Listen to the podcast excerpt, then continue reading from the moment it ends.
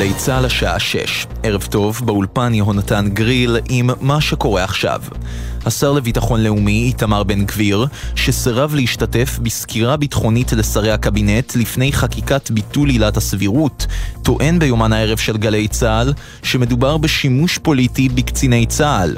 הציעו לי לקבל uh, סקירה לפני החוק. אני לא הסכמתי ואני אסביר גם למה. בעיניי זה היה נורא ואיום לקחת שני אלופים בצה"ל ולהשתמש בהם בצורה פוליטית. לא יעלה על דעתי שאם אני מחר אקח, יחשוב שאיזה חוק הוא טוב או לא טוב, אני אקח ניצב במשטרה ואשלח אותו לחברים שלי. השר ציין בריאיון לירון וילנסקי כי שרים נוספים סירבו להשתתף בדיון ורק השרים דיכטר וגמליאל שמעו את הסקירה. חברת הכנסת אורית פרקש הכהן מהמחנה הממלכתי הגיבה לדברי בן גביר בגלי צה"ל ואמרה, מבחינת בן גביר זה רק הסלטים. במקום לבוא ולהגיד, יש לנו בעיה, אנחנו דואגים לציבור, כולם אשמים. ברכות על ההייטק אשם, צה"ל אשם, האלוף חליבה. הוא לא הסכים לפגוש. לפני הצעת החוק, למה? למה? אני אגיד לך למה, כי זה רק הסלטים. שמעתי אותו גם אצלך מזלזל בבית הדין בהאג. למה, הוא, הוא זה שידונו בו בהאג? או שחיילי צה"ל הם אלה שיגיעו להאג? בג"ץ חוק טבריה. נשיאת בית המשפט העליון אסתר חיות מבקרת בחריפות את החוק שמאפשר למקורבו של אריה דרעי להתמודד כראש ועדה קרואה בבחירות לרשויות המקומיות ואומרת זה חוק אישי. גם השופטת ברון הצטרפה, יש רק אדם אחד שמתאים למשבצת הזו. זה לא כמו אה, ראש רשות אה, שצריך לעמוד מחדש לבחירות. יש כאן מישהו שפועל במצב משברי, וכתוצאה מכך מציידים אותו ב, אה, בכלים מתאימים כדי להבריא. החוק הוא פרסונלי כי הוא תפור למידותיה של הבחירות בטבריה. ומי לנו כחברי הכנסת שאומרים את הדברים בפה מלא? כתבתנו לענייני משפט תמר שונמי מציינת כי היועצת המשפטית לממשלה טענה אף היא שמדובר בחוק אישי, ולכן הציעה להכיל אותו מהבחירות הבאות בלבד. התגרות נוספת בגבול לבנון. כעשרה פעילי חיזבאללה חצו את גדר הגבול של יוניפיל, סמוך לכפר רג'ר, ונכנסו לשטח שבו אמורים לשהות רק חיילי יוניפיל. לפי דיווחים בלבנון, הפעילים שהו בשטח שבו אף אזרח לבנוני לא דרך מאז 2006. הם עמדו במרחק של כמאה מטרים מגדר הכפר רג'ר. כתבנו בצפון הדר גיציס מעדכן כי הפעילים לא חצו קו כחול. שר האנרגיה ישראל כץ טוען במכתב חריף ששלח לשר האוצר בצלאל סמוטריץ' כי פקידי משרד האוצר חרגו מסמכותם כשהתנגדו להגדלת ייצוא הגז מהמאגרים בישראל מחשש לפגיעה באספקת האנרגיה העתידית. כץ ציין כי הסוגיה נמצאת תחת סמכות בלעדית של משרד האנרגיה, וכי גם בהתנהלותו של סמוטריץ', ששלח מכתב בעניין לראש הממשלה, יש ניסיון למנוע יכולת לקדם יוזמות ולקבל החלטות בזמן הקרוב. ידיעה שהעביר כתבנו לענייני כלכלה, ישראל פישר. מזג האוויר למחר, עלייה קלה בטמפרטורות. אלה החדשות שעורך ערן קורץ.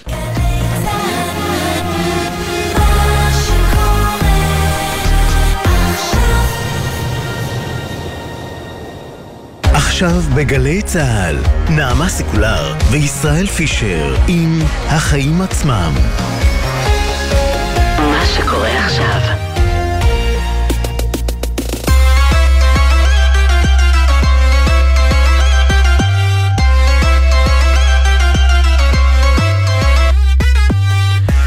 עכשיו שש וארבע דקות, אנחנו, החיים עצמם, התוכנית הכלכלית-חברתית של גלי צה"ל.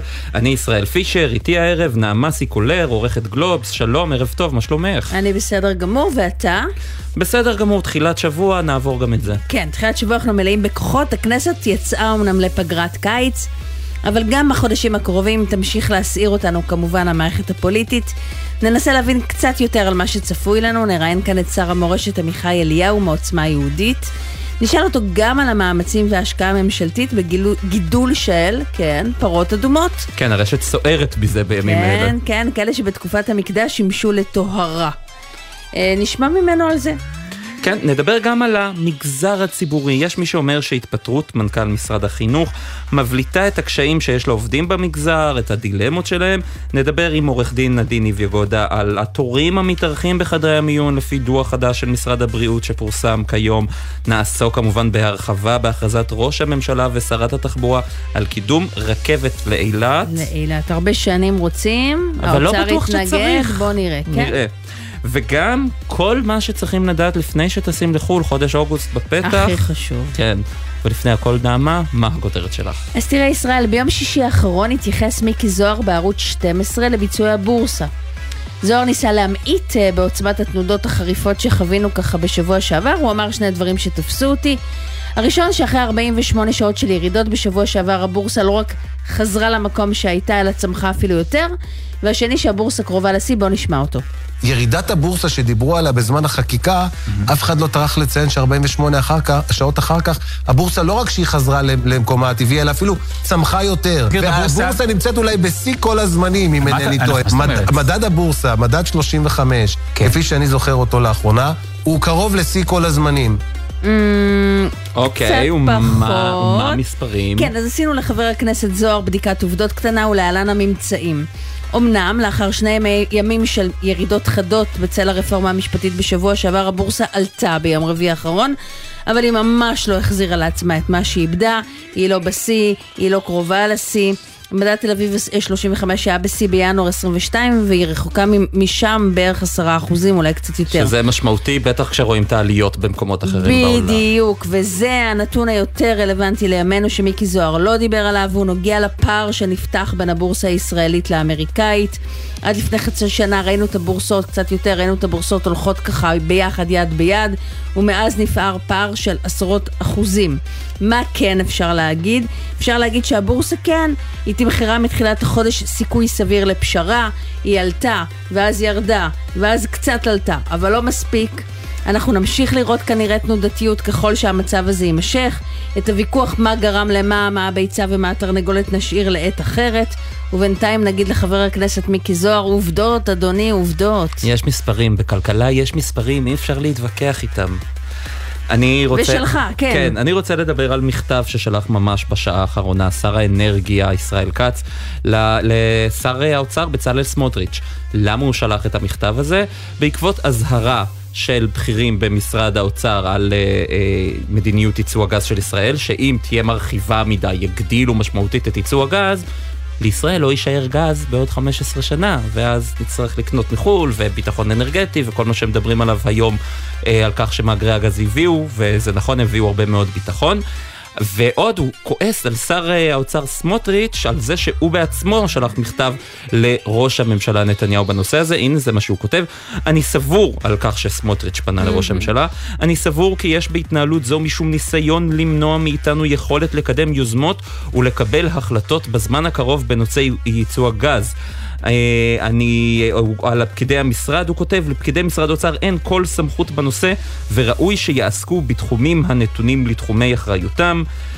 אלה דברים אגב, ישראל, זה מה, ש, מה שמעניין כאן, זה קודם כל ששר אוצר לשעבר כותב לשר אוצר נוכחי, ודבר שני, האירוע של הפקידות, מה שהוא כותב על הסמכות של הפקידות, זה מתקשר בדיוק להמשך שיחה שתהיה לנו uh, בהמשך התוכנית, על הנושא של פקידות מדינה ו- ושומרי סף ומצבם ותפקידם. ישראל כץ נכנס לאורך הקדנציה שלו לא מעט בפקידות, יש אומרים שצדק, יש אומרים שלא. זה מתקשר היטב לכל הנושאים האלה שאנחנו נדבר עליהם. כן, ואנחנו רואים את זה אה, בכל מה שקשור ל, אה, אה, באמת ליכולת של המדינה, של משרד האנרגיה גם, מבחינה אנרגטית צריך לדבר על זה. מדיניות ייצוא הגז של ישראל לא מעודכנת מאז 2019. הגיע הזמן לקבל החלטות. נכון, יש את ההליך הרביעי לעידוד עוד אנשים, אבל צריך לקבל החלטות ולהיכנס במי שמנסה להזהיר, זה לא פתרון ממש טוב. אתה יודע, ישראל, שמתי לב, יש לך חיבה לנושא אנרגיה. תראי, נכון? תראי, נכון, אני. ואנרגיה, אפשר, אפשר לדבר אפשר? על זה. הייתי כתב אה, שכמה הרבה שנים. כן, בנושא אנרגיה ותשתיות, ומדהים אותי לראות כל מה שקשור במשק הגז שלנו, במשק החשמל שלנו. כי יש פה הרבה מאוד כשלים. כשהמדינה עכשיו צריכה לקבל החלטות, והמדינה עכשיו צריכה לה, לה, להתאים את עצמה למה, איך ייראה משק האנרגיה בעוד חמש שנים, לא כל כך הרבה זמן מהיום, ההחלטות מתקבלות מאוד מאוד מאוד לאט. בשבוע שעבר שברנו פה את שיא צריכת החשמל, 15 אלף מגוואט ביום אחד, זה המון. בגלל החום הנוראי, שגם ב... באמת שבוע שעבר היה שיא מעלות חום, לא זוכרת שכמה שנים זה היה, אתה זוכר? זה היה ככה איזה מספר אה, מכובד. כן, כן, זה היה בהחלט אה, שיא של אה, מעלות חום, אבל אה, זה, זה... המדינה מגיבה מאוד לאט. אנחנו הולכים לשם, אתה אומר, לא משנה מה, ישראל צריכה להיערך לזה, ואתה יודע מה עוד מעניין אם אנחנו ככה בכל זאת מחברים את זה גם לאירועים האקטואליים שלנו אה, ככה היום. אחד הדברים שמאפשרים לנתניהו מבחינתו לבוא כל הזמן ולהגיד, אתם לא מבינים אותי, אני זה שצודק, אתם טועים על המון השלכות כלכליות של הרפורמה המשפטית, זה שהוא אומר, אני הייתי זה שגם מוציא את הגז מהים, ואני הייתי זה שהתרעתי שאתם מונעים ממני לעשות מהלך אסטרטגי חשוב למדינת ישראל. עכשיו, זה נכון, חצי נכון, אולי? זאת אומרת, היה כאן אכן ויכוח ציבורי לוהט וסוער סביב הנושא הזה של מאגרי הגז, וסביב הזכויות של אותם טייקונים, וסביב השאלה כמה כסף הם ישלמו למדינה. אה, וצריך להגיד שנתניהו באמת היה ככה מאוד מאוד מאוד נחוש, אבל... אתה עם נתניהו. כן, אני חושב, ש... אני חושב שבסופו של דבר... אה, גילוי מאגרי הגז, וגם מתווה הגז עשה דברים טובים למדינה, יפה. בסופו של דבר. אז הנה התחלנו בחיובי, ומכאן. כן, מכאן. אה, יאללה, נתחיל.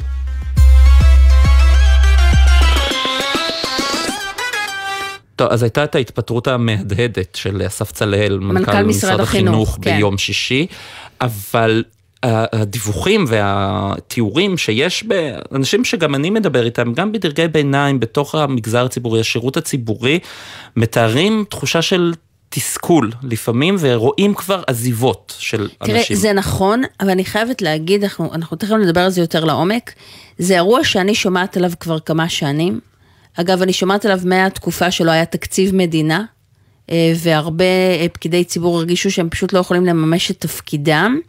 אנחנו רואים את זה אבל בעוד מקומות, אנחנו רואים יותר קשה למנות לתפקידים בכירים, דיברנו גם אנחנו כאן נכון. בתוכנית לא פעם על הצמרת של הרגולציה הכלכלית, לא כל כך מהר איישו את התפקידים האלה, יש עדיין כאלה שלא מאוישים.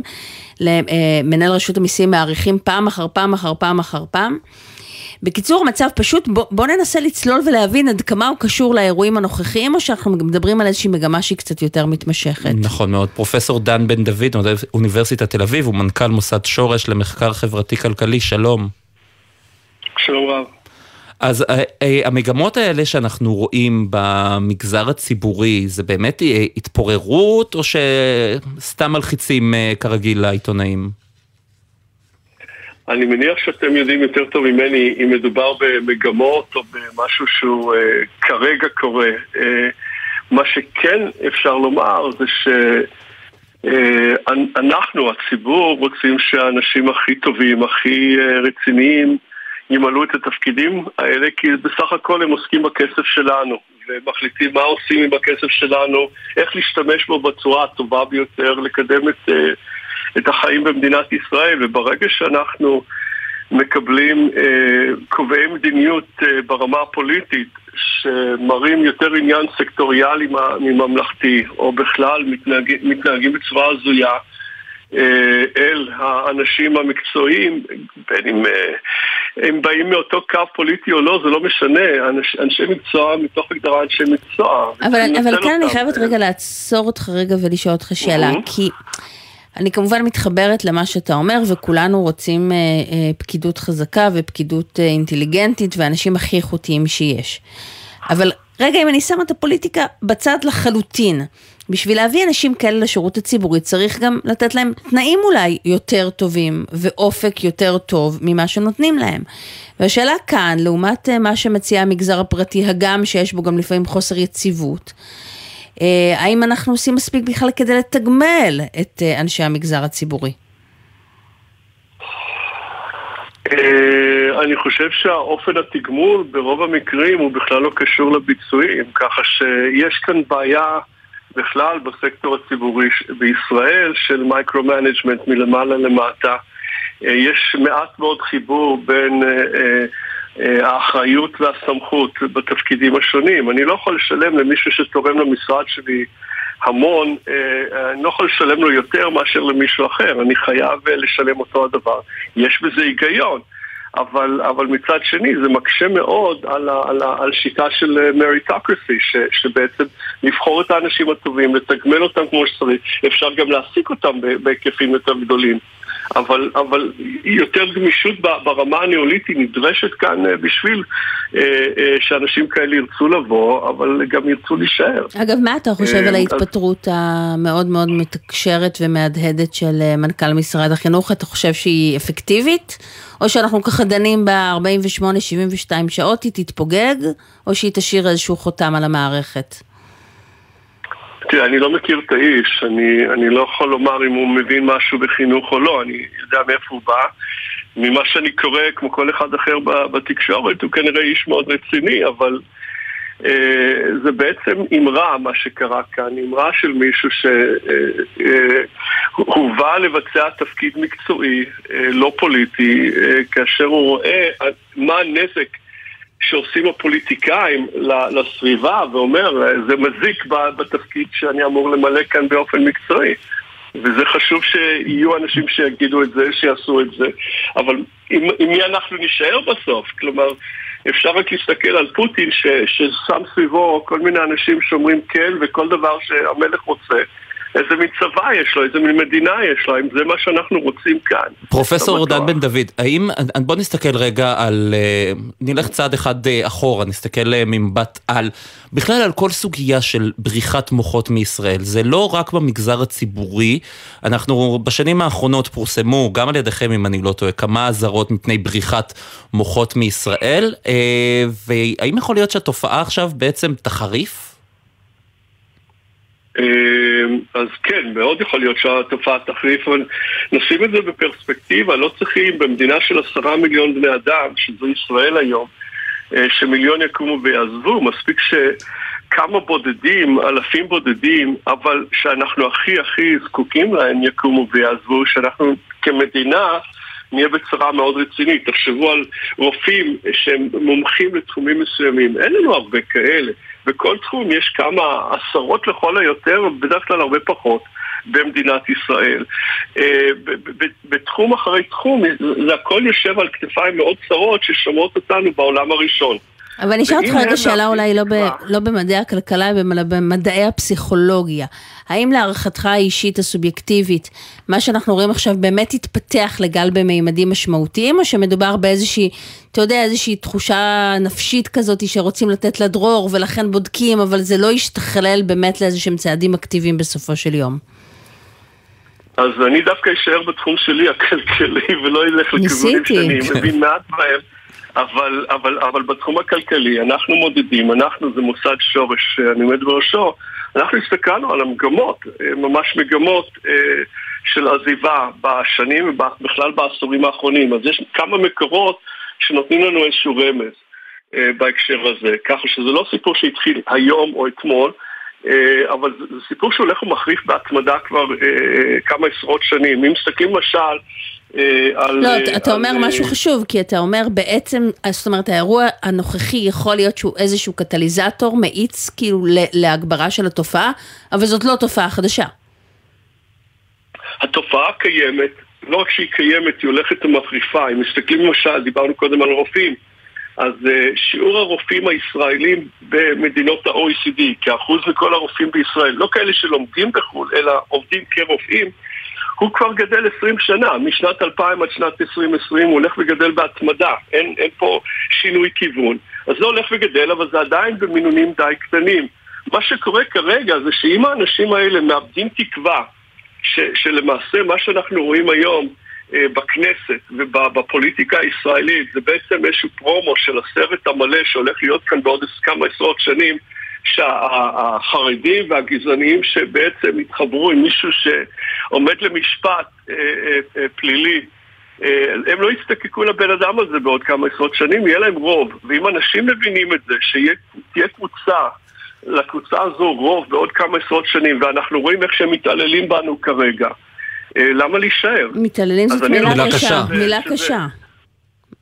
אז אני לא חושב שזה משהו שהוא אה, נגמר, אני חושב שאנחנו כן יכולים לעשות משהו, אבל צריכים לעשות זה היום. הדמוגרפיה היא כזו שאנחנו הולכים בכיוון מאוד בעייתי ומאוד מהר. אם מסתכלים רק על החרדים, הם מכפילים את חלקם באוכלוסייה כל 25 שנה, כל דור. אז אם, אם יש רק חמישה אחוז מבני החמישים שהם חרדים, הם רבע מהתינוקות, ובעוד 25 שנה הם יהיו חצי מהתינוקות. זה מאוד פשוט. אם הם לא יקבלו השכלה שהם צריכים, מחר בבוקר, לא בעוד 20 שנה, הם כבר נולדו החבר'ה, אם הם לא כן. יקבלו השכלה, שלא, לא רק שנותנת להם כלים לעבוד במשק מודרני, אלא גם כלים להבין מה זו דמוקרטיה ליברלית, כי זה התנאי היחיד שישמור את כל שאר החבר'ה בישראל.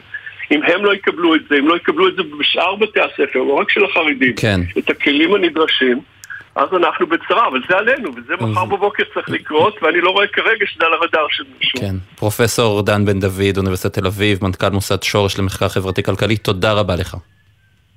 תודה לכם.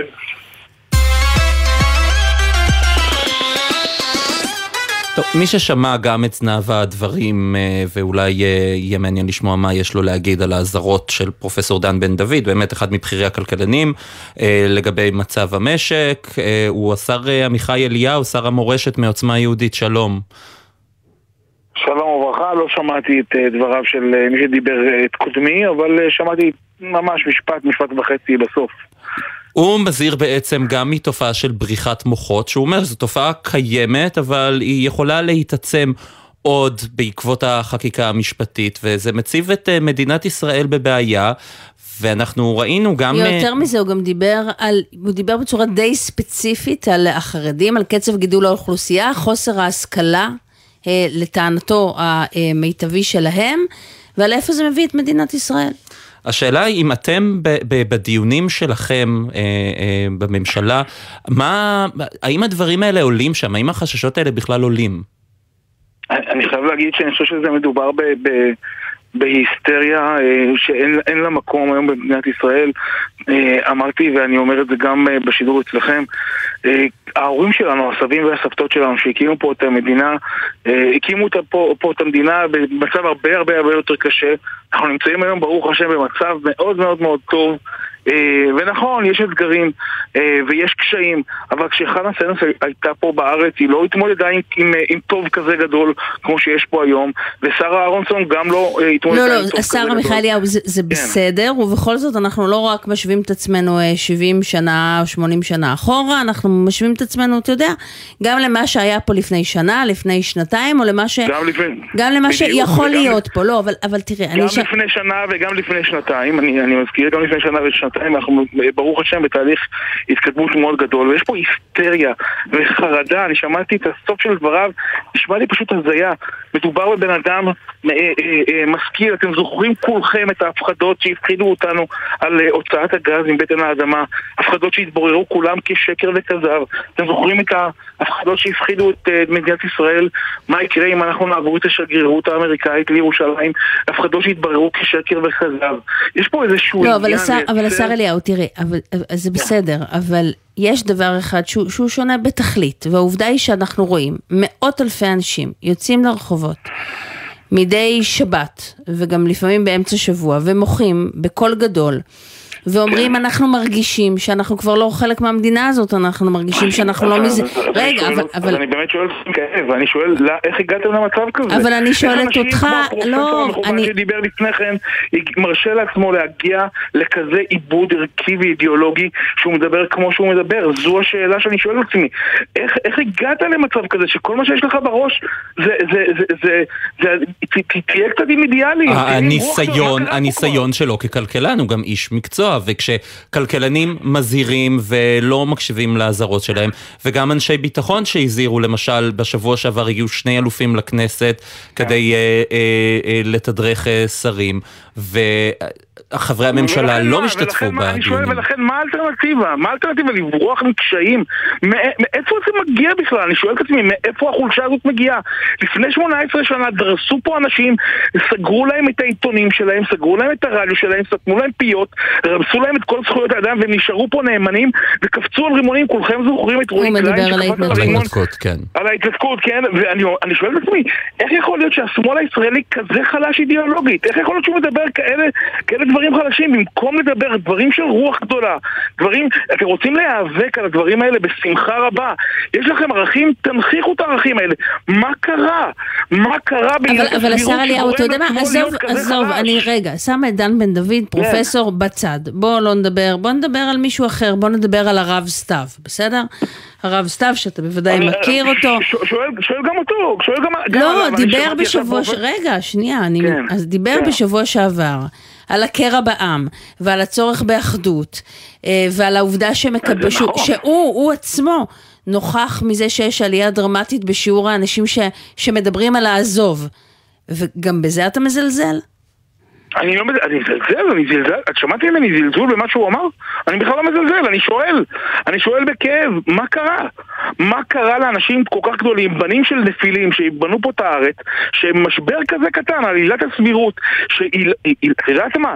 מילא אנחנו המצאנו פה את, ה- את, ה- את הדיון, אבל זה דיון שנמצא בארצות הברית, בבית המשפט העליון בארצות הברית. אבל, מ- אבל אה, אה, כל הטענה שזה לא רק עילת הסבירות, זה כל מה שקורה, כל ההמשך החקיקה המשפטית, שזה אתה עוד עצמך צעד. אמרת לפני שבוע, אנחנו לא עוצרים בעילת הסבירות, שינית את ברור דעתך? שלא לעצור בעילת הסבירות, אבל יש פה, יש פה, אבל זה מה שאני רוצה לא, לא, לומר. רגע, ברור שלא עוצרים, זה מה שאתה... רגע, לא. אידיו- יש פה ויכוח אידיאולוגי מאוד מאוד משמעותי. האם השופטים הם גם פוליטיקאים, או שהשופטים תפקידם לשפוט על פי החוק? מה שקורה היום במדינת ישראל זה ויכוח אידיאולוגי. בא פרופסור, יוצר אמירה שהיא עצמה יוצרת מציאות. עכשיו מגיעים מומחים הברית ואומרים חברים, הכל קשקוש, כל הדברים האלה זה קשקוש. המחאה היא זו שפוגעת ב... ב- ב- מי אמר דבר ישראל. זה מומחים אה, עולמיים בכלכלה לא אומרים את זה. מומחים עולמיים אני מדבר, מומחים עולמיים, תסתכלו בריאיון האחרון שהיה ליונית עם מומחה מארצות הברית שמדבר על זה ואומר זה קשקוש, המחאה היא זו שפוגעת בכלכלה של מדינת ישראל ולא הרפורמה אני לא יודעת על מה אתה מדבר, אבל אני אציע לך. רגע, אבל אני, שנייה, אני אשאל אותך שאלה אחרת. כן, עזוב, כן. בוא נסכים לצורך השיחה הזאת שלנו. שאנחנו כן. מניחים לרגע בצד, דיברנו על זה גם בתחילת התוכנית, שאנחנו מניחים בצד את השאלה של הביצה והתרנגולת. אנחנו לא כן. שואלים את עצמנו מה גרם למה. בסדר? גם כן. פה, גם אני... עזוב, שמה את זה בצד, בסדר? בסדר. גם אני לא בטוחה בחלק כן. מהדברים, אבל אני מסתכלת על המצב כמו שהוא עכשיו, אוקיי? ברגע זה. כן. האם יש אה, פגיעה בכלכלה? כרגע, ברגע זה, יש. כן. אני לא חושבת שאפשר להתווכח עם זה, זה מה שמראים המספרים. האם ברגע זה יש מאות אלפי אנשים, אם לא למעלה מכך? אגב, לא כולם שמאלנים. ממש לא כולם שמאלנים, גם המתמטיקה מראה שלא כולם שמאלנים. האם בכל סקר שאתה עושה, מאיפה שלא תיקח אותו, אנשים אומרים לכם, די, תניחו לנו, תגיעו להסכמות כבר. אתה רואה את זה. ולכן אני שואלת אותך, עזוב מי התחיל, לא מעניין, מה עושים עכשיו? אז אני, אני קודם כל אומר ככה, זה ברור שכמה שיותר הסכמות זה יותר טוב. וברור שגם להחזיר את האמון במערכת המשפט דורש הסכמות רחבות. אמר את זה משה לנדוי, לפני שאהרן ברק התחיל עם ההפיכה השיפוטית שלו. אמר, תדע לך, ברגע שאתה הופך את השופטים לפוליטיקאים, חצי מהעם ירגיש נבגד, חצי מהעם ירגיש שהשופטים לא מייצגים אותו. הוא הזהיר אותו לפני 43 שנים, הוא אמר לו, זה מה שיקרה, וזה מה שקורה בפועל. זה מה שאצלנו אומרים, חכם עדיף מנביא. מה שצריך זה גם אחריות של אנשים אה, מהמחנה השמאלי. להבין שמערכת המשפט בישראל, גם אם עכשיו ההפגנות האלימות האלה ינצחו, וחלקם אלימות, לא כולם אלימות, אבל חלקם ינצחו, זה כמו שאמר המכובד שדיבר לפניי, זה, זה, לא, זה, זה יחזור. אין פה, זה לא סיפור שהולך ונגמר.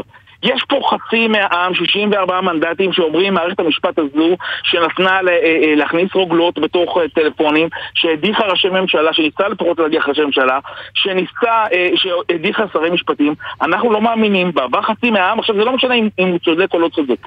אגב, אם אבל- הייתם הולכים היום לבחירות, היה לכם שוב 64 מנדטים להערכתך? אגב, אני שומעת... לכם שיש- אז- אני- אז היו לנו 60 מנדטים. אני בטוחה 67 ששמעת. כמוני שיש חברי כנסת מהליכוד שכבר אומרים, אנחנו לא כל כך בטוחים.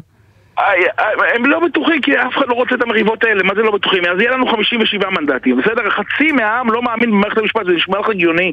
זה נשמע למישהו הגיוני שיש פה ציבור כזה גדול שאומר אבל שהמערכת איך אתה אומר? את זה כשהמילה מערכת משפט לא הייתה בקמפיינים של המפלגות? גם כשנתניהו עצמו... לא, מה זאת אומרת? כשנתניהו עצמו. בא לישיבת הממשלה הראשונה. כראש ממשלה, הוא דיבר על ארבעה אתגרים, הוא לא אמר מילה על מערכת המשפט. טוב, לא, אגב, לא מי אכנס שכן אמר, דיבר הרבה, רגע, אבל אני אשאל אותך שאלה אחרת, מי שכן דיבר אבל הרבה על חוזרים התוכניות שלו, לא. אתה, תקשיב, אתה חזרת סנש, ישראל- שאני לא יכולה לחזור למערכת הבחירות האחרונה? מה תגידי לי שנייה קרה? אחת, גברתי, תגידי לי כן, שנייה אחת. מי מסכים היום שבג"ץ יבוא לשר ביטחון ויגיד לו אני מכניס משפחות של מחבלים מח- מהחמאס לטיפולים בישראל למרות ששר הביטחון אומר לו אני רוצה להשתמש בזה כקלף מיקוח להחזיר את הילדים שלנו. האם זה הגיוני שיבוא עכשיו, שיבוא עכשיו שופט ויגיד הסבירות שלי גדולה על של שר הביטחון? למי זה נשמע סביר? למי זה נשמע, אנחנו מדברים על עילת הסבירות, למי זה נשמע סביר? אנחנו מדברים על שופטים שהם צריכים להיות שופטים על פי החוק. אמר את זה אריסטו, אמר את זה פיין. אנחנו לא יכולים שה, שה, שהמשפט כן. יהיה תלוי באדם. האדם, האדם, מה שקורה במערכת המשפט של אהרן ברק, שהמערכת משפט במקום שזה יהיה. שלטון החוק, זה שלטון האדם, ואנחנו חייבים להחזיר את זה לשלטון החוק. עכשיו, אתם לא חייבים להסכים איתי. אתם, אתם לא צריכים להסכים איתי. אתם צריכים להבין שיש פה חצי מהעם שלא מאמין במערכת הזו, וזו סכנה לדמוקרטיה בישראל. ולכן אני בא ואומר לפרופסור המכובד, יש לך ויכוח, ויכוח ענייני טוב, תתווכח איתנו, אל תאיים בעזיבה מהארץ, אל תאיים בבריחת מוחות, תייצר עמיחי אליהו. שהוא דור ערכי, שהוא דור שנלחם, נלחם באמת, מתוך ערכים, לא מתוך חולשה, לא מאיים בבריחה, לא, לא רוצה לפגוע במדינה. השר עמיחי אליהו, רק אה, לסיום, לא הספקנו אה, לשלוח- לשאול אותך על הפרות האדומות שפורסם ביום שישי שמנכ"ל משרדך היה בטקס ההבאה שלהן אה, ש- טוב לישראל. ששואלים אותי על הפרות האדומות, כמה דבר יפה, האמת שאני לא קשור לזה. אה, אני, זה היה בתקופה של אה, אלקין ולפיד, אה, פרויקט מאוד יפה ל- לשחזר את המורשת של... רגע, אתה מפרגן לאלקין ולפיד? אלקין, אלקין מפרגן לו בהרבה מקומות, מה, ללפיד? קצת פחות, אני לא כל כך מעריך את הבן אדם. אתה עכשיו פרגנת לו, בשידור. היסטוריה, כותרת, ישראל תוציאו לטוויטר, כן.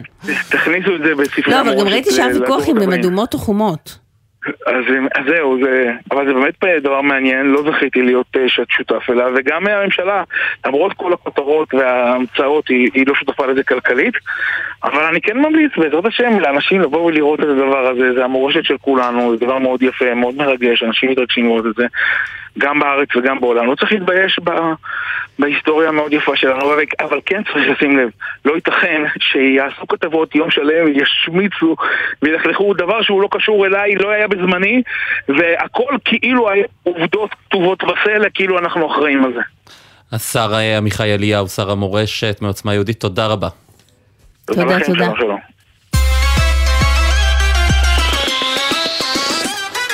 את יודעת, כשהפעם האחרונה שהייתי בחדר מיון הייתה באפריל 2020, את זוכרת מה קרה שם?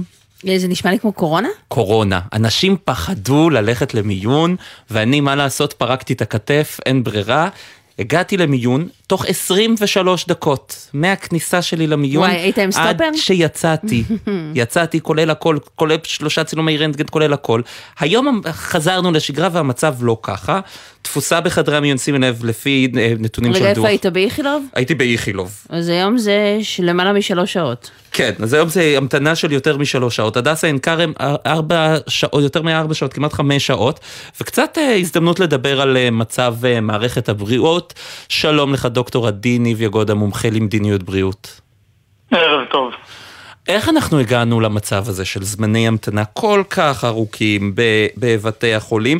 ויש גם, אני רואה פערים, זאת אומרת, אם הולכים לבית החולים זיו בצפת זה קצת יותר משעתיים, בהדסה כאמור זה כמעט חמש שעות. איך, איך הגענו למצבים האלה? אז קודם כל, ישראל, אתה זכית לתור שזוכים לו בדרך כלל רק חברי כנסת ושרים, 23 דקות המתנה במיון, זה שמור בדרך כלל רק תתחקר אותו למי יותר, תגלה שמחובר. שהייתה שם איזה... לא, סתם. לא, שם לא, אבל זה. בגלל שהיה שמחובר קורונה, אנשים פחדו להגיע. למיון אז. נכון, אבל מי שמחובר ומי שמקושר לא ממתין במיון, גם אין לו מיטה במסדרון, אבל כל עם ישראל, בוודאי אלה שלא מכירים ולא מחוברים, נאלצים להמתין שעות רבות, הרבה פעמים יותר מיממה.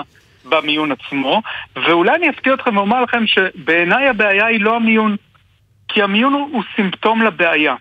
גם אם עכשיו נשפוך כסף על חדרי המיון, לא בהכרח נפתור את העומסים במיון, כי הבעיה היא כל מה שקורה מסביב למיון. הסיבה שהמיון הוא עמוס זה כי אין ב, אה, ב, ברמת הקהילה מענים מספיק טובים, הולמים, איכותיים וזמינים כדי לייתר את הצורך להגיע למיון, וזה מצד אחד, ומהצד השני יש מצוקה של מקום במחלקות כמו פנימיות וגריאטריה, ככה שאדם לא יכול לעבור מהמיון למחלקת המשך אם אין מיטה פנויה. ולכן מה שאנחנו רואים זה שהמיון הוא למעשה תסמין לבעיות שקורות אה, בצדדים שלו, בקהילה, ובמחלקות האשפוז. אבל אתה יודע, גם ולכן... בקהילה זה נושא מוגבל, כי הרבה, מתי אנחנו הולכים למיון? אנחנו בין היתר הולכים למיון בשעות קצה, בסופי שבוע. זה אזורים שהקהילה לא תמיד יודעת לתת להם מענה, או יכולה ולכן, בכלל לתת להם מענה. ולכן, ולכן וזו בדיוק הנקודה, אם, אם בקהילה היו מענים הולמים לאורך כל שעות היממה, של מוקדים אה, אה, קדמיים, חדרי מיון קדמיים, שיודעים להפחית את ההגעות למיון, וגם במוקדים האלה יהיה כוח אדם איכותי. כי מה אנחנו רואים היום? היום אנחנו רואים שיש כל מיני מרפאות שאנשים מגיעים אליהם, ובסופו של דבר מגיעים למרפאה קדמית, משלמים שם איזושהי אגרה, בודק אותם איזה רופא, שמה עושה? נותן להם הפניה למיון. וזה, ואחת הבעיות זה שכוח האדם שמועסק באותן מרפאות קדמיות הוא לא מאוד איכותי, כך שהוא לא באמת מצמצם את העומסים על המיון. אם היה שם כוח אדם איכותי שהיה יכול להפחית את ההגה, אם, אם היו אה, אה, מרפאות כאלה בכל רחבי הארץ ולא אה, נקודתית בערים מרכזיות, אה, אם היה למשל אה, צריך לשים אה, חדר מיון קדמי בנתיבות. אבל מה זה אם היה? למי אתה מפנה את הזרקור? מי, למי לשיטתך צריך לטפל בזה? זאת אומרת, זה שיטת התקצוב של קופות החולים, זה למשרד הבריאות, זה למשרד האוצר? בסופו של דבר זה צריך להיות תכנון מרכזי, צריך לבוא ולראות איפה צריך לשים את המוקדים. יש, יש תוכנית היום שנקראת תמ"א 49 למערך האשפוז והמקבילה היום לקהילה, צריכים לבוא ולראות. המדינה צריכה לבוא ולעשות תכנון. איפה פותחים מוקדים? עכשיו, לא להגיד לקופות החולים, תקימו. לא להגיד לעיריות, ואנחנו מכירים בדימונה, אה, העירייה הקימה מכספי העירייה איזשהו מוקד, כי המדינה לא אבל, רצתה... אבל זה גם, יש את העניין של מחסור ברופאים הרי. אנחנו שומעים כל הזמן על כך שאין מספיק רופאים פה בישראל. מהצד השני יש עכשיו גם מחאת רופאים, שאנחנו שומעים על הרבה רופאים שחושבים uh, לעבור לחו"ל. גם פה יש uh, חוסר תכנון של המדינה בהקצאת כוח האדם. אתה צודק.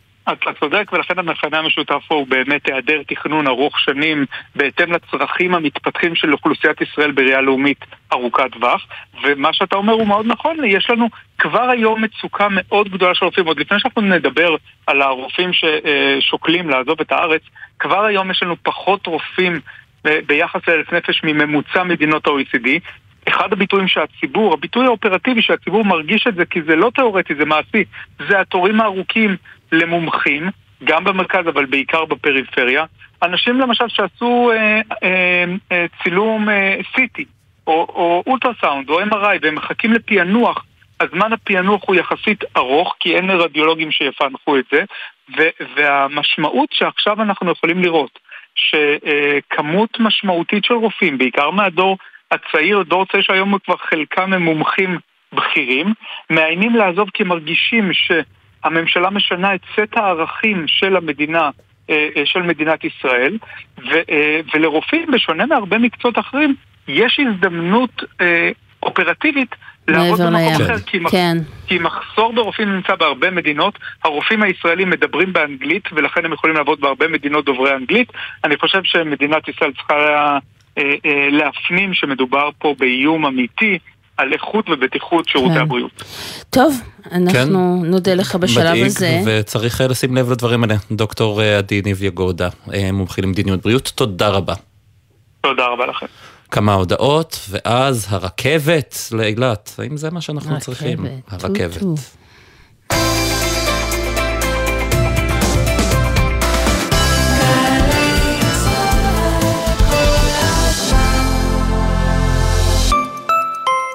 טו, טו. כרמיאל רוקדת. עיריית כרמיאל מזמינה אתכם לפסטיבל המחול כרמיאל. ב-1, ב-2 וב-3 באוגוסט. עשרות מופעים ואומנים. חגיגת מחול גדולה בישראל. פרטים באתר הפסטיבל, וניפגש בכרמיאל. כרמיאל רוקדת. כרמיאל רוקדת.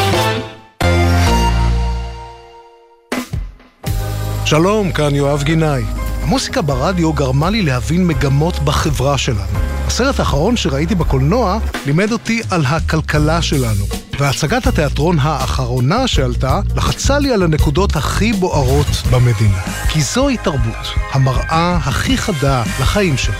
ולכן, בכל שישי בבוקר אני שואל, מה יהיה בתרבות? מה יהיה עם יואב גינאי? שישי תשע בבוקר, גלי צה"ל. עכשיו בגלי צה"ל, ישראל פישר ונעמה סיקולר עם החיים עצמם. חזרנו, וכמו שהבטחנו, עם הרכבת לאילת. שלום לך, גל ג'רסי, כתבנו לענייני תחבורה. שלום, ערב טוב. כן, אז היום הייתה מסיבת עיתונאים של רג... שרת התחבורה מירי רגב, שר האוצר בצלאל סמוטריץ' וראש הממשלה, במה שהיה נראה כמו איזושהי אה, מסיבת פתיחה לרכבת שאמורה לחבר בין אה, אילת לקריית שמונה, אותה רכבת שהחליטו עליה כבר ב-2010 ו-2012, אז היום בממשלה עוד פעם החליטו על הקמת רכבת כזאת. שצריך להגיד שגם די שנויה במחלוקת, זאת אומרת, בדיוק. לא קיים לא קונצנזוס לגביה. כן. כן. א', זה שהחליטו עליה היום לא אומר שהיא תקרה, אנחנו נצטרך לראות מה קורה. כרגע אה, נתנו 2 מיליארד שקלים אה, בשביל הרכבת הזאת, רכבת שאומרים שהיא עולה 150 מיליארד שקלים, וכרגע עוד לא ברור שער התקצוב, זה ממש רשת רכבות אה, שכולל שלושה מקטעים, אחד מקריית שמונה עד כרמיאל, אחד באזור המרכז מלוד עד חדרה, ועוד חלק מבאר שבע לאילת. באמת רשת רכבות שכמובן היא תהיה מהפכנית בישראל, אבל הרבה אומרים שזה לא מה שצריך בשביל להוציא את ישראל מהפקקים, בשביל לחבר את הפריפריה. גם שמענו למשל שחברת הכנסת, שהשרה רגב הודתה בכך שהיא לא קידמה את פרויקט המטרו עד שלא יאושר הפרויקט הזה של הרכבת לאילת. כן, זה היה חלק די מדהים, לאורך כמה חודשים אנחנו כבר שומעים כל מיני דיווחים ופרסומים של אה, גם כלי תקשורת שונים, גם פה דיברנו על זה אה, נרחבות בגלי צה"ל, על זה שבעצם רגב מתנה הרבה אה, צעדים שצריכים לעשות על מנת לקדם את פרויקט המטרו בגוש דן, באותה הקמה של רכבת מאילת לקריית שמונה, אם זה לא לחתום על צווי הפקעות, אם זה לא למנות אה, מנהל לרשות המטרו, אם זה אה, אה, להודיע שמוציאים את נטע ולא להודיע מי החברה שיבצעו את הפרויקט, אז היום היא ממש אמרה, עכשיו סוף סוף יש את הרכבת הזאת, אפשר להתחיל לקדם את המטרו, ובאמת אחרי חודשים של איזשהו, כל מיני ויכוחים עם אה, האוצר, אפשר היה לראות את החיוך שלהם על הפנים היום, שהשרה סוף סוף אמרה, אנחנו מקדמים את המטרו, אנחנו גם מדברים עם בכירי האוצר לאורך כל החודשים האלה, הם כל כך רוצים להתחיל לקדם את זה, שנראה שלתת את השני מיליארד שקלים האלה, זה, הם אמרו, אנחנו נעשה מה שצריך, אם זה אומר להתחיל לקדם את הפרויקט שהם באמת מאמינים, וכך גם אה, בכירים במשרד התחבורה אומרים שכנראה שהרכבת מקריית שמונה לאילת היא לא מה שיעצור את הפקק, אה, יציל, את, או יציל אותנו מהפקקים, אבל המטרו כן, ולכן יש כאן איזשהו אה, סוג של עסקת חבילה. אז הנה, בדיוק בנושא הזה אנחנו נמשיך לדבר עכשיו. גל ג'רסי כתבנו לענייני תחבורה, תודה רבה לך. תודה רבה לשניכם. ואנחנו עוברים לדוקטור, אליך, דוקטור מתן סינגר, חוקר מדיניות תחבורה בבית הספר לבריאות הציבור באוניברסיטת חיפה. שלום. ערב טוב. אז רכבת לאילת זה מה שאנחנו צריכים? אה, לא. כלומר, אה, תשובה קלה, אבל לא. אה, במילה אחת, לא, כן. כן. במילה אחת, כן. אין לזה כנראה הצדקות לא תחבורתיות ובטח שלא סביבתיות, וגם כנראה שיהיו לזה השפעות גיאופוליטיות שליליות. אז, לא, אז אני רגע אשאל שאלה בכל זאת, אז בכל זאת אני ארגע פרקליט השטן ואני אשאל שאלה מהצד השני. אמרת שאין הצדקות כאלה, כאלה וכאלה, תגיד לך, השרה רגב, יש לזה הצדקות חברתיות. אתה מקבל את הטענה אה, הזאת? חברתיות, חיבור פריפריה למרכז. זאת אומרת, יש משהו אולי טיפה רומנטי, אבל אני, ערכית אני יכולה להבין או להתחבר לרעיון שרכבת שמחברת את כל קצוות הארץ. אני מסכימה איתך ומקבלת שבשאר ההיבטים זה קצת פחות עומד. אמ, אז גם, גם בסוגיה הזאת החברתית הייתי חולק על האמירה הזאת. אמ, גם יש אה, אה, עדויות שדווקא החיבור של הפריפריה הרבה פעמים מחליש את הפריפריה ומחזק את המרכז. אמ, ובעיקר, יש את השאלה של העלות מול התועלת. כלומר, מדובר פה על פרויקט שבהערכות הנמוכות אמור לעלות בסביבות 40 מיליארד שקלים. אמ, ואני חושב שגם הצפון וגם הדרום יכול לעשות אה, דברים הרבה יותר גדולים וחשובים עם 40 מיליארד שקלים האלה מאשר פרויקט תחבורתי. למשל בית חולים אה, בצפון ולחזק את בית לאו דווקא תחבורתי אתה אומר. לאו דווקא תחבורתי, כלומר תחבורתי צריך להבהיר, תחבורתי לגבי הרכבת לאילת היום מגיעים לאילת אה, בערך 2.5 מיליון אה, אה, תיירים, שרובם ישראלים, 2.3 מיליון ישראלים. כלומר, אז אלה היקפי הנסיעות שאנחנו מדברים עליהם. רק לשם השוואה, הקו האדום של הרכבת הקלה שאמור להיפתח בתקווה בקרוב בתל אביב, אמור להסיע בשנה 70 מיליון איש, והוא עלה 20 אה, מיליארד אה, שקלים. אז אלה, אלה האומדנים שאנחנו מדברים עליהם. ובעצם, זאת אומרת, אם אנחנו כן מדברים עכשיו על uh, היבטים תחבורתיים של חיזוק הפריפריה, מה באמת צריך לעשות שם? כאילו, אמרנו בית חולים, אבל מבחינה תחבורתית, אנחנו יודעים שגם שם המצב לא יודע, לא מי יודע מה טוב. ואני אוסיף עוד משפט אחד, אנחנו כן רואים בכל, ברחבי העולם את הנושא הזה של רכבות של מאות קילומטרים, שהוא נושא מקובל, אז למה לא אצלנו? נכון, הוא נושא מקובל מאוד, אבל בדרך כלל בין ערים, ששתי ערים בקצוות הן אה, מוקדים חזקים אה, של נסיעות. כלומר, אה, אם אנחנו מדמיינים בספרד, קו רכבת בין אה, מדריד וברצלונה. כלומר, עם כל הכבוד, קשה להשוות את אה, אילת או למדריד או לברצלונה. עם כל הכבוד, כן. בהיקפי הנסיעות. האמת שנסעתי ברכבת הזו היא נהדרת. בין מדריד לברצלונה. האמת שלא יצא לי לנסוע בה, אבל אני אה, אה, שמח לשמוע שהיא נהדרת. כלומר, אני לא נגד רכבות, ואני חושב שיש, אה, שהן יכולות להשיג דברים חשובים מאוד, אבל העלויות כאן, גם הסביבתיות וגם הכלכליות וגם החברתיות, הן כאלה שאני לא בטוח שמדינת ישראל רוצה אה, לשלם את המחירים האלה. אתה חושב שזה פרויקט שיצא? זאת אומרת, אנחנו עכשיו ערב פתיחת, אני מקווה, הרכבת הקלה בתל אביב, ראינו את שלל העיכובים, ראינו כמה שנים זה מחכה. לקח. אתה חושב שפרויקט בסדרי הגודל האלה, מעבר, ל, אתה יודע, לטקסים ולחגיגיות, יש לו באמת התכנות במדינת ישראל? לבצע, אפשר לבצע. כלומר, יש את הידע הטכנולוגי, אה, אני לא יודע אם יש את התקציב לזה, אבל יש את הידע הטכנולוגי.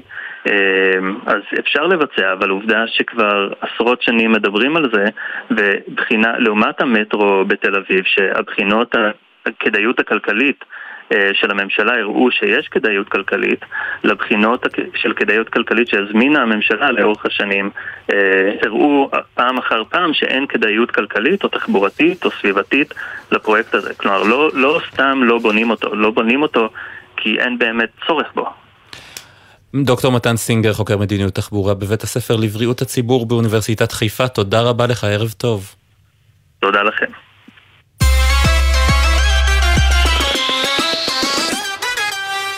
טוב, שב"כ חשף היום אה, קמפיין פישינג שבוצע על ידי גורמים איראנים במטרה לאסוף מידע על אה, מדינות ואזרחים ישראלים. אה, ואיתנו נמצא גיל מסינג, ראש המטה של צ'ק פוינט. היי גיל. היי, ערב טוב. מה עושים? כש... איך, איך אני יודע להבדיל בין הודעות? כי צירפו להודעה הזו של השב"כ כל מיני צילומי מסך שאני חייב להגיד לך שבסך הכל נראו אמינות. נראים די תמימים, כן. כן, זה נראה די אמין. והם גם הולכים ומשתפרים. השיטה הזאת של האיראנים לנסות להגיע לאנשים, זה לא פונה לציבור הרחב, זה פונה לאנשים שיש איזשהו עניין בהם, משקיעים את האנרגיות שם. בעבר הם היו עושים את זה רק באנגלית, אחר כך בעברית קלוקלת, עכשיו העברית שלהם היא באמת מאוד מאוד טובה. ואני חושב שהדבר הכי חשוב בעניין הזה זה באמת המודעות, ולכן טוב שאנחנו מדברים על זה, שאנשים יודעים שככה האיראנים פועלים. הם פונים בפלטפורמות לגיטימיות, מעבירים לפלטפורמה שהיא לא הפלטפורמה הזאת כמו לינקדאין או פייסבוק אלא למייל ישיר, זה נורת הזרה מספר אחת. שאומרים לך בוא תעבור איתי לפרטי כאילו? נכון, נכון, והדבר האחרון שהוא באמת הנורת הזרה הכי מהבהבת זה הנושא של איזושהי לחיצה על משהו.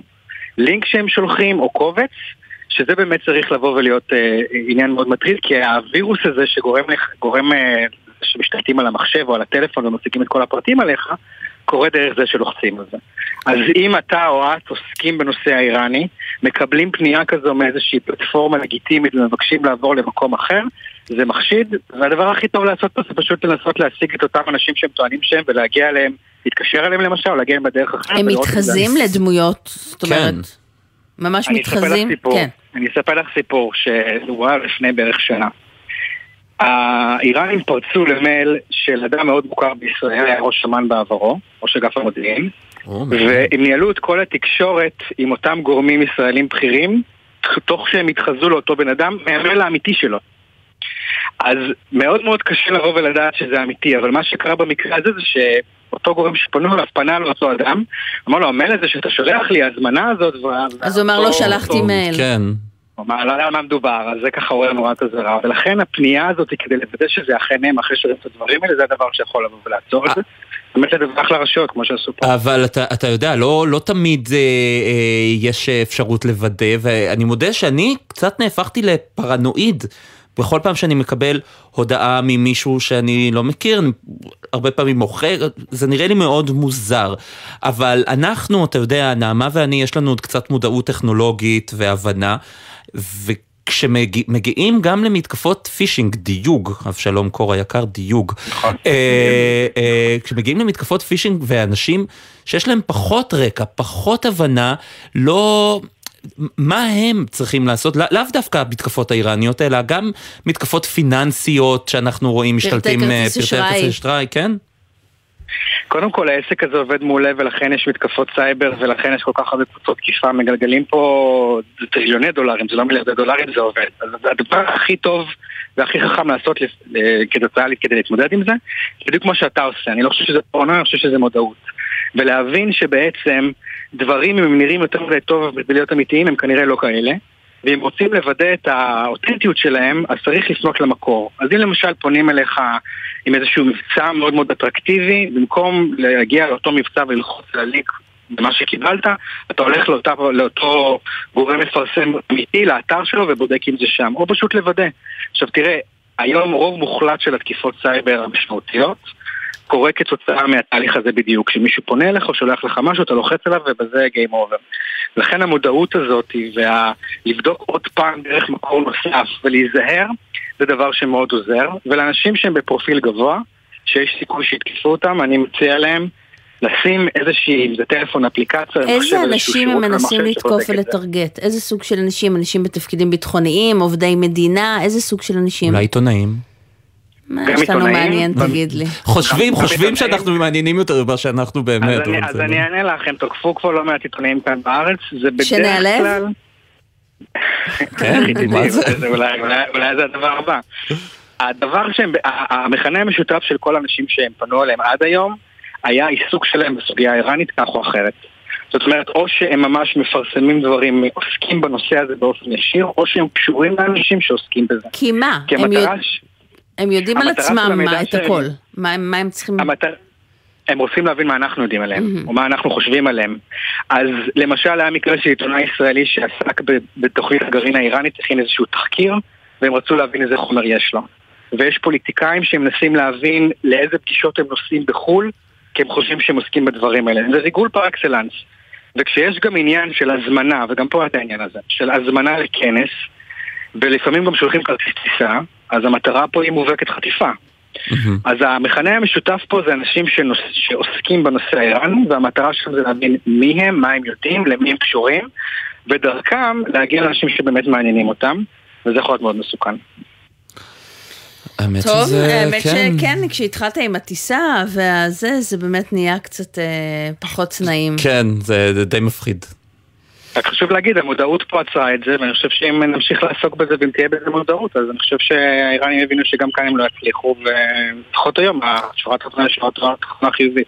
למרות שאתם יודעים, אני קוראת עכשיו את ההודעה, אם קוראים אותה טוב טוב, אפשר לראות שזה איזה תרגום מאנגלית לעברית. יש שם איזה- כן, יש חלק, כן. אבל זה- זה לא נורא שלא- כמו שהיה שלא כותבים בעבר. ככה בעברית, כן, לא באמת. שוב, אני כן. אומר לך, אני מכיר אנשים בפרופיל ציבורי מאוד מאוד גבוה בישראל, העברית שם הייתה יותר קלוקלת, גם באנגלית.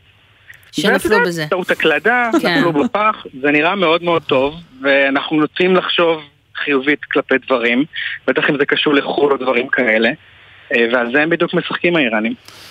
טוב, גיל, למדנו, תודה רבה. תודה, ערב טוב. ביי.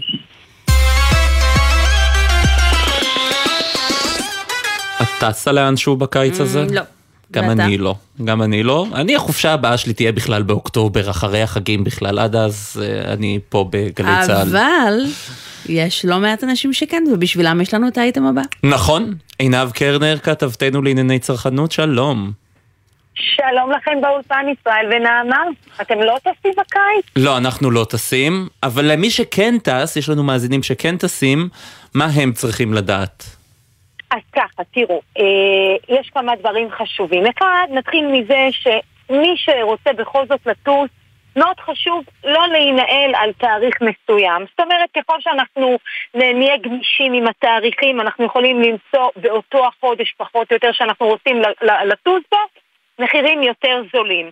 עכשיו, למי שבכל זאת, שהוא לא כל כך ספונטני, ובטח ובטח מי שיש לו משפחה עם ילדים קטנים, הרבה יותר קשה להיות uh, ספונטניים בהזמנת חופשה כזו לחו"ל. אז מאוד חשוב שברגע שנסגרנו על התאריך, על החופשה, על היעד, מצאתם את החופשה שלכם, נראה לכם שהמחיר טוב, תסגרו מיד, כי אחר כך תיכנסו שוב והמחיר אה, אה, קופץ. אה, זה קורה הרבה פעמים וזה מייקר אה, בלא מעט אה, שקלים, בעשרות ולפעמים במאות שקלים את כרטיס הטיסה. הנושא של המזוודות, לפני שאנחנו ממהרים לרכוש את המזוודות לבטן המטוס, גם שם לשים סימן שאלה, האם אנחנו באמת צריכים את זה, ואם כבר החלטנו שאנחנו צריכים את זה, חשוב לסגור את זה במעמד סגירת העסקה, כי אחר כך אנחנו מגיעים ומוצאים שאנחנו צריך, צריכים לשלם עשרות דולרים לכל כיוון למזוודה כזו. אוי, זה מבאס. אה, כן, ממש. ועוד דבר זה גם הנושא של הצ'ק-אין אה, אונליין. יש כל מיני מדיניות שונות בחברות, בחברות התעופה. חשוב מאוד לשים לב, אם צריך לעשות את הצ'ק-אין מראש, לעשות אותו, כי אחר כך הרבה פעמים אנחנו מגיעים לנמל, ואז שם אנחנו צריכים לעשות את הצ'ק-אין ומשלמים שוב עוד עשרות אה, אה, דולרים. הכי הכי חשוב, ישראל ונעמה, זה הנושא של המושבים. אנחנו תמיד להוטים לשבת בטח, ובטח ליד בן הזוג. שווה לוותר על הישיבה המשותפת, כי לפעמים אנחנו גם נוכל להימנע. זה יכול לחסוך הרבה כסף. רגע, אבל עינב, למשל, איך משלמים בחו"ל? איך הדרכים הכי טובות, הכי כדאיות לשלם כיום בחו"ל? אנחנו רואים עכשיו כל מיני מבצעים של חברות אשראי שאומרות, שלמו דרכנו, שלמו דרכנו. מה, איך, איך הכי טוב לשלם שם? תראו, קודם כל שווה, אה, שווה קודם כל לעשות פריטה מהארץ היום דרך האונליין, אבל כמובן אחרי שעושים אה, אה, בדיקת סקר אה, מחירים, לראות שבאמת אה, שער הקנייה הוא שער אה, סביר ולא גבוה בהרבה ממה ששווה באמת ערך המטבע. לקנות את מה שצריך אה, פה בארץ כדי להימנע מכל הצ'יינג' שאנחנו עושים אה, בחו"ל. וגם מול חברות האשראי בסופו של דבר, כמו כל דבר, זה להסתכל, להשוות מחירים, אה, אה, לראות מה כדאי, איפה יותר משתלם. לא צריך להעמיס הרבה כסף, בוודאי מי שיש לו כרטיס אשראי, אבל כן שווה ליצור איזשהו חשבון, אם יודעים שיש לנו חופשה שנתית, חשבון דולרים או חשבון כן. של אירו, ואז ככה זה יבטל לנו את ההמרת מצב. ונגיד רק לסיום, שיש את הנושא של ביטוח, אה, ביטול, ביטוח לביטול טיסה. זה מאוד מאוד שווה, כי לפעמים יש מצבים כמו עכשיו נגיד השרפות שאנחנו רואים ביוון או בחלק מרחבי איטליה אם מישהו ירצה לבטל את הטיסה, כל עוד חברת התעופה לא ביטלה את הטיסה, כן. אנחנו לא זכאים לשום פיצוי, ולכן גם את הדבר הזה צריך שניקח בחשבון. עינב קרנר, כתבתנו לענייני צרכנות, תודה רבה לך. אני מקווה שעשיתי לכם חשק לטוס עכשיו. חשק לטוס בטח. תמיד יש גם. כן, נכון. הגברת אותו, תודה רבה. כן, תודה רבה. אה, אנחנו מסיימים את חלקנו ביום הזה, נגיד תודה לברק בטש ואורי שילה שהפיקו, אור מטלון היה על הביצוע הטכני, בפיקוח הטכני, גרם ג'קסון, רן לוי, עורך הדיגיטל, מיד אחרינו רצועת הביטחון עם טלי ליפקין שחק, נעמה סיקולר, תודה רבה. ישראל פישר, תודה לך. שיהיה המשך ערב שקט ומעולה. ומונו בחוץ, בשחור ולבן, ואת בתוך הג'יפ שלך את לא פותחת רדיו. את רואה שחבל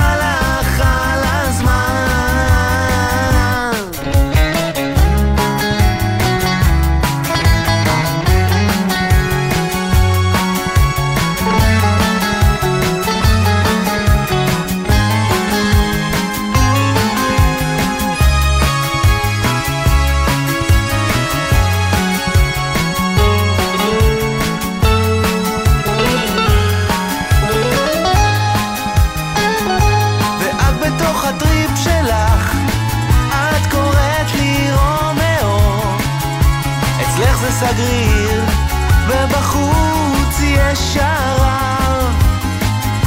ואת בתוך הג'יפ שלך, את לא שומעת רדיו, את לא יודעת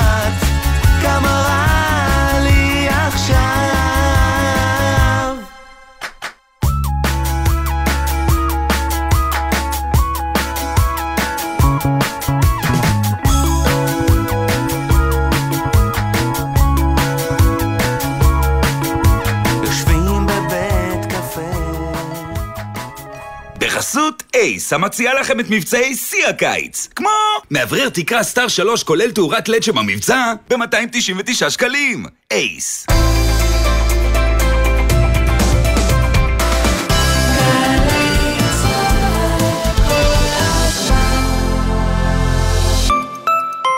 רפואה בחלל? כן, הפנינג רפואה בחלל בטכנות החדרה. אתם מוזמנים להשתתף בצוות המשימה מיוחד, לפתח חיסון ולהציל אסטרונאוטים, לבקר בתחנה לחקר החלל ולהשתתף בשלל פעילויות במהלך חודש אוגוסט. להזמנות חפשו טכנודה חדרה. העיר נתניה וגלי צה"ל חוגגות 60 לזמר והיוצר יוני רואה. יום סבבה, איזה יום יא בבא, מרגריטה. משתתפים מאיה אברהם, קובי פרץ ופבלו רוזנברג. מופע מיוחד במסגרת הפסטיבוקלי. רביעי, תשע וחצי בערב, אמפי עיר ימים, ובקרוב בגלי צה"ל. מיד אחרי החדשות, טלי ליפקין שחק.